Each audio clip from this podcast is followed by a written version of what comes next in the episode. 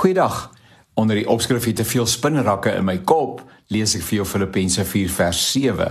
En die vrede van God wat alle verstand te bowe gaan, sal oor julle harte en gedagtes, gedagtes, nê, nee, gedagtes die wag hou in Christus Jesus.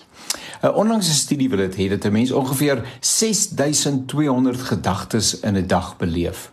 Nou, sonder om op die detail in te gaan, kan die meeste van ons daarmee identifiseer. Dit bly daarom besig nê hier in 'n ou se kop en jy's baie keer verleë oor die goed wat by jou opkom. 'n Ander bron wil dit hê dat die meeste van die gedagtes wat 'n mens koester, sommer net nonsens is en nêrens heen lei nie.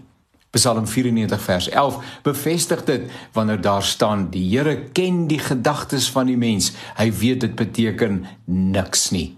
Nou, gedagtes kom en gaan tensy jy dit begin vertroetel en aandag gee daaraan. Jakobus help ons. Hy sê daai verkeerde gedagtes is nie uit huis uit sondig nie. Hy gebruik die woord begeerte. Kan ek maar gedagtes daarin sit? Hy sê maar dis wanneer dit vertroetel word in 'n mens daai gedagte, daai begeerte, nê, soos 'n suikerklontjie in jou mond rondrol wat dit uiteindelik aanleiding gee tot goed wat die Heilige Gees bedroef en ons moenie die Heilige Gees van God bedroef nie want ons lewe vanuit die krag wat hy ons gee. So Jakobus sê, maar 'n mens word verlei deur sy eie begeertes wat hom aanlok en saamsleep.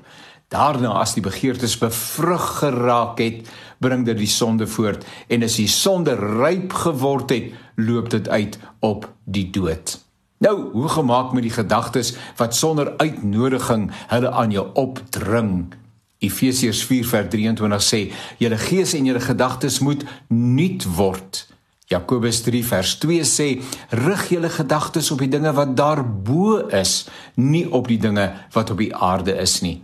En Paulus help ons nog meer wanneer hy spesifiek kom sê wat hy bedoel in Filippense 4 vers 8. Broers, susters, alles wat waar is, alles wat edel is, alles wat reg is, alles wat rein is, alles wat mooi is, alles wat prysenswaardig is, watter deeg of lofwaardige saak daar ook al mag wees, daarop moet julle julle gedagtes rig.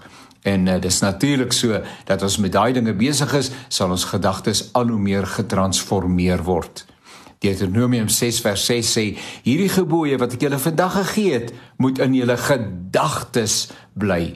So beteken dit dat 'n mens nie meer met verkeerde, selfs ontstellende gedagtes gekonfronteer sal word nie? Uiteraard nie, maar dalk is dit gepas dat ek 'n spreekwoord hier aanhaal, nê? Nee, jy kan nie help dat 'n voël oor jou kop vlieg nie, maar as hy nes maak in jou hare, is net jy te blameer. Nee, kom ons vertrou die Here en dat hy ons gedagtes vernuwe sodat ons al hoe meer uh God verheerlikende gedagtes sal dink. Sterkte, sterkte hoor met die gedagtes.